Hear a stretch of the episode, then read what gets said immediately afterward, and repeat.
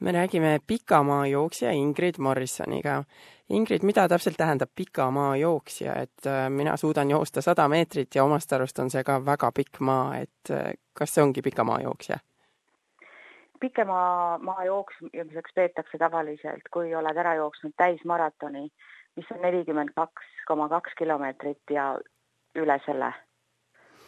et tavaliselt need ähm, nii-öelda registreeritud jooksupikkused on siis viis kilomeetrit, kümme kilomeetrit, viisteist, kakskümmend üks, mis on poolmaraton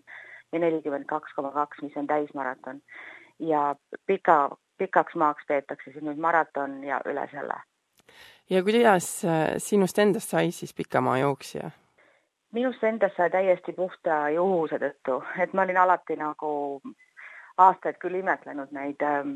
inimesi, kes võivad ära joosta nii no, maratoni ja nii alati kuskil. Mul mõlkus see meeles, aga et ise kunagi ei julgenud seda sammu ette võtta, see tundus nagu selline kättesaamatu, hästi niisugune eneseületamine või piiride ületamine, aga umbes neli aastat tagasi, kui mul ühel sõbrannal diagnoositi rinnavähk mõlemas rinnas nädal aega ennem emadepäeva, siis ähm, kogu sõpruskond oli loomulikult hästi šokis ja nii edasi, aga mm, üle Austraalia on emadepäeval, on emadepäeva jooks neli või kaheksa kilomeetrit, mille registreerimisrahad lähevad kõik rinnavähi uuringute ähm, keskuse jaoks. ja siis sealt tuligi see mõte täiesti juhuselt, vaatasin televiisorit, kui reklaamiti, et veel on aega registreerida, siis registreerisingi ennast kaheksa kilomeetrisele jooksule ja nädal hiljem ilma igasuguse korraliku varustuse ja treenimata jooksin selle jooksu nii-öelda ära, aga olin oma mingist ähm, teadmatusest ja noh, polnud kunagi, eks ju, jooksuvõistlustel olnud, viimati ma arvan, ma olin, kui ma olin kuueteistaastane Haapsalu keskkoolis, et ähm, ma trügisin ennast sinna esimesse ritta, kus kõik eliidid on. ja siis ma hästi mäletan, kui ma siis vaatasin enda ümber neid inimesi, neid äh, hästi heas vormis selliseid sitkeid naisi, mehi ja kui siis stardipauk anti ja me siis jooksma hakkasime, siis see hääl, mis tuli sellest, kui need tuhanded tossupaarid seda asfaltit nagu nii-öelda noh, nagu see gripp või mis see on, mis see hääl sealt tuli, et see oli nagu selline, mis mul tänaseni jääb nagu kannanaha peale, et ja mina jooksin täiesti hingetuks ennast ja siis, kui need tuhanded inimesed kõik minust niimoodi mööda jooksid, nagu mina seisaks paigal, siis sealt tekkiski nagu see pisik, et mõtlesin mmm,, et noh, et ma tahaks üks nendest olla. Ja tegelikult täiesti samal õhtul ma registreerisin ennast Melbourne'i maratonile, see oli siis kaks tuhat kolmteist. registreerisin ennast Melbourne'i maratonile mõtlesin, et oh, mul on aega treenida ja ma teen siis kohe täismaratoni. Ja mõtlesingi, et kui ma nagu ühe korra elus jooksen maratoni, et siis on nagu kõik saavutatud nagu nii-öelda aga noh, siis täiesti teadmatusest, oskamatust hakkasin muidugi treenima ja üle treenima, mis tähendas, et kolme kuu pärast mul oli jalg kipsis ja noh, siis kuna mu jalg tuli kipsist välja, siis noh, oli nii-öelda lõpetamata teema, mis tähendas, et jooksin ikka edasi. kuus kuud hiljem oli üks teine jooks, millest võtsin osa, kus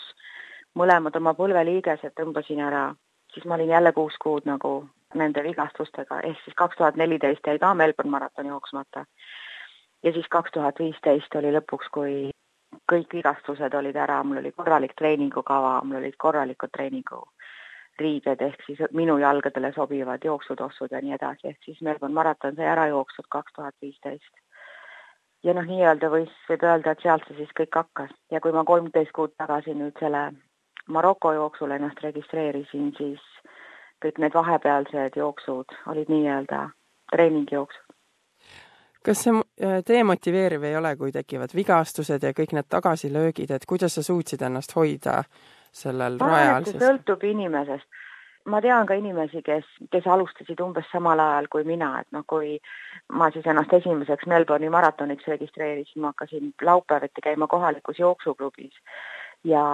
seal oli veel paar tükki, kellel tekkisid vigastused ja nemad andsidki alla, noh, oligi puht, tegelikult ütles minule ka perearst, kui ma olin oma põlved ära vigastanud, et Ingrid, võib-olla jooksmine ei olegi sulle, et võib-olla oled sa selleks liiga vana, sest ma olin siis nelikümmend, ma olen täna nelikümmend viis, ma olin siis nelikümmend üks just saanud. et võib-olla on liiga hilja sellise spordialaga tegelema hakata ja võib-olla ei ole see sinu jaoks. kui ma oleks seda perearsti kuulanud sellel ajal, siis võib-olla ei olekski midagi olnud, aga noh, minu jaoks oli see nagu lõpetamata, et ma olen selles mõttes natuke selline inimene ka, et kui mul on eesmärk seatud, siis ma viin selle lõpuni. see pigem oli rohkem motiveeriv, et mul tekkisid need vahepeal need vigastused, et ma pean selle Melbourne maratoni ära jooksma just tänu sellele, et mul oli nagu nii-öelda teel ette visatud erinevaid tõkkeid ja nüüd oma sihikindlusega oled sa jõudnud hoopis pikema maratoni lävepakule nii-öelda. räägi meile sellest Maroko maratonist, kuhu sa varsti oledki teel. Maroko maraton, mille nimi on Maraton de Saab, mis siis tõlkes tähendab ähm, liivamaraton. seda maratoni peetakse nüüd küll üheks kõige raskemaks jooksuks, mida on võimalik üldse teha ja mis teeb selle keeruliseks, on kaks asja. on kuumus ja kus joostakse, et noh, et tavaliselt jooksjad kas siis mööda metsarada või mööda asfaltteed, on ju, aga et noh, seekord äh, on sellel jooksul põhimõtteliselt kõikvõimalik pinnas, on kivid, on mäed, on pehme liiv, on kõva liiv, on vanad soolajärved ja nii edasi, mis teeb selle keeruliseks noh, nagu tehniliselt jooksjatele ja kõndijatele. ja teine asi, mis teeb selle keeruliseks, on see, et kõik selle seitsme päeva varustus, mis aja see jooks kestab, on vaja endal seljakotiga kaasas kanda, mis tähendab, et kõik see seitsme päeva sööks, magamiskott, ja, ja madrats, et noh, mul on kott pakitud ja ainult sööki on viis kilo. noh, paned sinna mõned asjad juurde, siis noh, tegelikult ongi, kott kaalub kaheksa kilo, et, et ähm, ja noh, selleni ma, ma teadsin sellest maratonist tänu sellele, et mul on mitu meessõpra, kes on seda teinud erinevatel aegadel. ja ma mäletan, kui nad selleks treenisid ja, ja noh, näinud pilte, kuulanud lugusid ja nii edasi see küll ei olnud kunagi minu plaanis, noh, see tundus lihtsalt täiesti, täiesti crazy. aga nüüd mul olid siin ikkagi kaks aastat tagasi olid ähm, siin ühed ja teised terviseprobleemid ja kui siis seal naistehaiglas kohvikus istusin ja oma arstiaega ootasin, siis Facebookis äh, sirvides tuli reklaam ette, et veel on aega registreerida kahe tuhande seitsmeteistkümnenda aasta maratonide saab ja siis ma tegingi tegelikult otsuse koha peal, ma ei mõelnudki üldse midagi pikalt. mõtlesin, ah, ma registreerin ära, vaatame, mis saab. et ähm, tervis on korras, et mu kõik asjad nagu jooksid kokku, et mul oli lahutus, mis oli suhteliselt keeruline, et nagu see lahutus on möödas ja lapsed on uue olukorraga harjunud ja, ja tervis on korras ja ja et ma saan nelikümmend viis eelmine aasta siis, et äh, noh, nagu mul oli võimalus võtta aega maha ka töölt, et et oli kõikide asjade kokkulangevus. aga siis selleks treenimiseks ma siis põhimõtteliselt kümme kuud tagasi nagu hästi sihikindlalt hakkasin selleks jooksuks väga konkreetselt treenima, et oma seda progressi nagu jälgida. ma lihtsalt registreerisin ennast kõikvõimalikele pool- ja täismaratonidele ja millest ma siis ka võtsin kõikidest osa, et põhimõtteliselt viimase ajavahemikus eelmise aasta mai kuni detsember ma jooksin viis pool ja neli täismaratoni, et et selles mõttes väga suured kogused ja väga mitu võistlust. meil esimesel päeval Marokos on kohe suured liiva sand dunes, et ähm, mis on mägedest üles minna, isegi kohati on vaja ennast mööda nööri üles tõmmata, et ähm, noh, mu viimaste kuude treeningud on olnudki kõik väga järskudes mägedes nii üles kui alla ja niisugustes keerulistes pinnastes, et kord on kivid ja kord on liiv ja kord on muru ja siis on jõgi ja nii edasi, et et nagu keha harjuks kõikvõimalike, jalad harjuks ja tõenäoliselt ka moraalselt harjuks kõikvõimalike ootamatustega, mis tee peal ees on. kas sellise ekstreemse maratoni jaoks on üldse võimalik psühholoogiliselt ennast ette valmistada, et kas,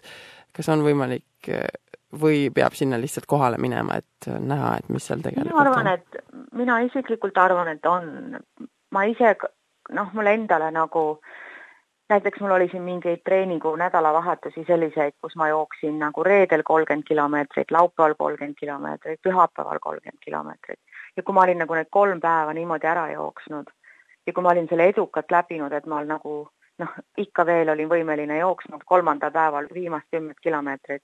et mulle nagu moraalselt andis see nagu kinnituse, et jah, ma olen võimeline jooksma Marokos ka, sest Marokos on täpselt ju nii, et igal hommikul tõuseme ja alustame jälle otsast peale, et tegelikult jalad on juba ju väsinud. oli kindlasti see ja märtsi alguses ma jooksin ühte Austraalia raskemat murdmaajooksu, mis kokku oli mägedes tõusu kaks tuhat meetrit ja viis korda oli vaja jõge ületada ja ja kui esimesed kaheksasada meetrit olid ainult treppidest alla ja nii edasi, et äh, ma jooksin selle väga edukalt nii ajaliselt kui noh, füüsiliselt, et mingeid äh, vigastusi ei tekkinud. et äh, see oli minu jaoks see, et jah, ma olen Marokoks valmis noh, kindlasti tulevad seal, kindlasti mida nii-öelda Maroko veteranid on rääkinud, noh, kindlasti tuleb seal neid momente, kus, kus on vaja mööda põhimõtteliselt nelikümmend kilomeetrit kõndida, kus mitte, mitte midagi tee peal ei muutu. noh, needsamad liivaväljad ja seesama Lausmaa vana soolaväli ja võib-olla eemal kusagil näed väikest valget täppi ja sa tead, et see on su see järgmine veepunkt, et noh, ma olen nagu enda jaoks mõelnud, kuidas ma sellest nagu läbi saan, et ma olen nagu paar raamatut endale, audioraamatut tõmmanud omale kõrvaklappidesse ja erinevat muusikat ja lapsed on peale lugenud mingeid, mingid Go mommy, we love you and niisugused asjad, et ja noh, kindlasti kui leiad omale kellegi teise, kellega koos mingeid etappe läbida. et ma arvan, et neid ettevalmistusi mentaalselt on võimalik nagu nii teha, noh, see on hetkeline arvamus, ma muidugi ei oska öelda. Ma võin kolme nädala pärast uuesti öelda, kuidas sellega, kuidas ma hakkama sain jah, sellest võiks uuesti ka rääkida muidugi, aga kas sellel maratonil on osalejaid, kes lähevad sinna ka tagasi? seda kakssada viiskümmend üks kilomeetrit on see pikk, eks? väga paljud, ma isegi arvan, et lausa kümme protsenti nendest läheb tagasi. näiteks sellel aastal tuleb oma, seda oma tiitlit kaitsma Inglismaa jooksja, kes on ta on kolm korda võitnud, ühe korra või viiendaks jäänud ja ta läheb see aasta uuesti võitma. Et tagasitulejaid on palju nii eliitide seas kui ka, kui ka nii-öelda tavajooksjate nagu mina nende seas, et mul on jooksuklubist on sõber, kes on teinud kolm korda ja meie grupijuht, kellega me siit Austraaliast läheme, tema teeb viiendat korda. Vau, see on tõesti muljetavaldav. Ja sinu jooks on ka heategevusega seotud, kas see on kõigi jooksjate puhul nii, kes sinna Marathon du Sable'isse lähevad? üheksakümmend üheksa protsenti inimesed jooksevad seda mingi, mingi heategevuse jaoks. Et kogu meie, meie tiim, kes me siitpoolt läheme, ähm, meid on kakskümmend kolm, viisteist inimest Austraaliasse, kaheksa Uus-Meremaalt ja ähm, kakskümmend kaks jooksevad seda heategevuse jaoks ja millise organisatsiooni sina endale valisid, kui tohib? mina valisin endale Pärnus tegelikult Pärnu naiste ja laste toetuskeskuse, kes tegeleb no, naiste ja laste toetamisega, kes on mingil põhjusel kokku puutunud ähm, koduvägivallaga ja nii edasi. me soovime sulle edu ja ootame sind tagasi, et äh, uurida neid muljeid, milline oli siis üks maailma kõige ekstreemsemaid maratone üldse ja kuidas sul läks seal? jah, suur tänu!